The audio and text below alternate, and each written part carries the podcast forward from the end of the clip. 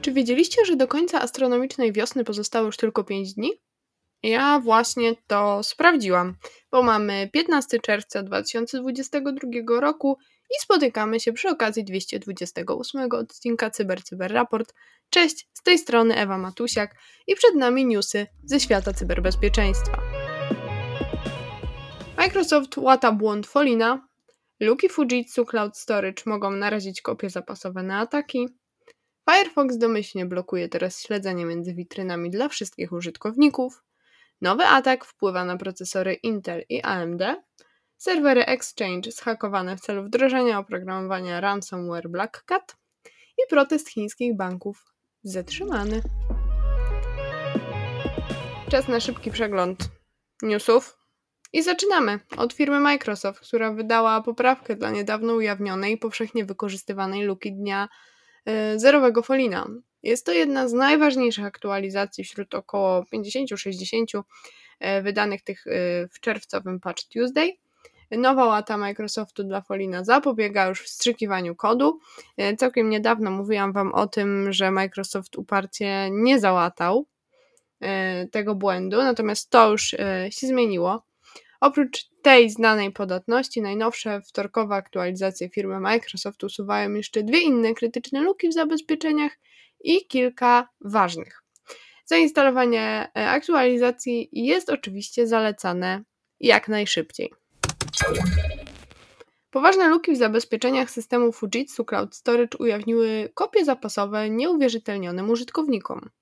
Odkryto błędy wstrzykiwania poleceń podczas sprawdzania systemów kopii zapasowej i to są dwa błędy w interfejsie sieciowym systemu pamięci masowej w tej chmurze Fujitsu, które umożliwiały yy, cyberprzestępcom odczytywanie, zapisywanie, a nawet niszczenie kopii zapasowych plików.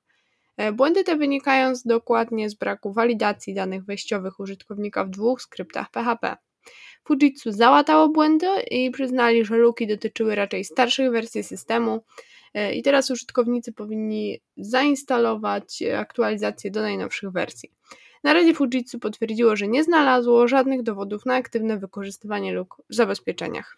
Niemniej warto aktualizować.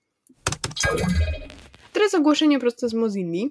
Wszyscy użytkownicy Firefoxa będą teraz domyślnie chronieni przed śledzeniem między witrynami podczas przeglądania internetu. Total Cookie Protection jest już włączone teraz dla wszystkich użytkowników Firefoxa domyślnie, a do tej pory funkcja była aktywna tylko w trybie przeglądania prywatnego lub gdy użytkownicy ręcznie ją włączyli.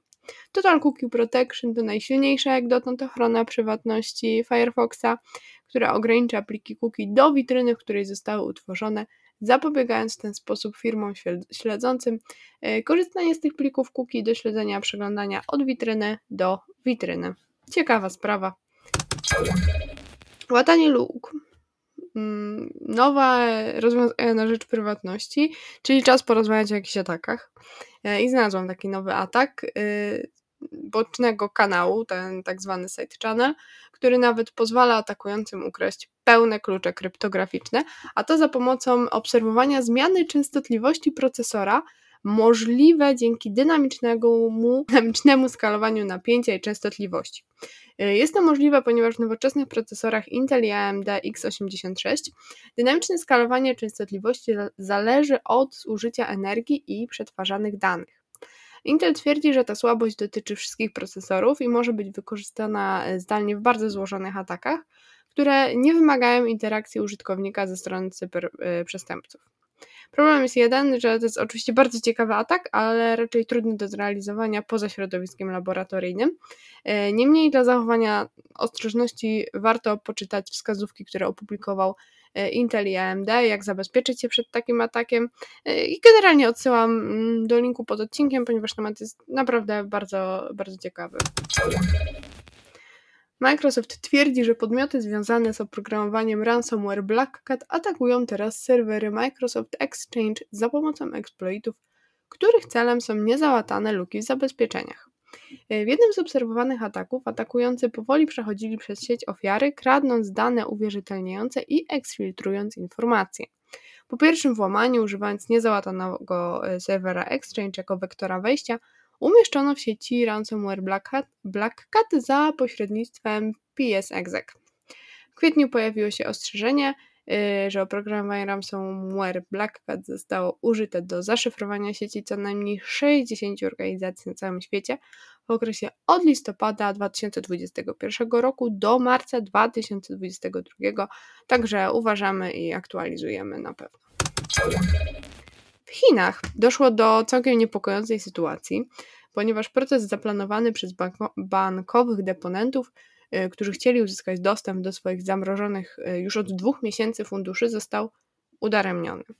Organizacje praw człowieka ostrzegają tutaj, że Chiny mogą wykorzystywać yy, bardzo rozległą infrastrukturę nadzoru, aby stłumić sprzeciw. Bez zielonego kodu w aplikacji na smartfony obywatele tracą w ogóle dostęp do transportu publicznego i miejsc takich jak restauracje i centra handlowe, a także prawo do podróżowania po całym kraju. Generalnie niektóre regiony w Chinach nakazały rejestrowanie np. swoich planów podróży i okazuje się, że um, osoby, które zarejestrowały swoją podróż do prowincji, w której miał odbyć się protest, mają problem z aplikacjami tymi dotyczącymi zdrowia, ponieważ ich kody świecą się nie na zielono, a na czerwono, a więc nie mogą y, nigdzie pojechać ani korzystać y, no, na przykład z komunikacji.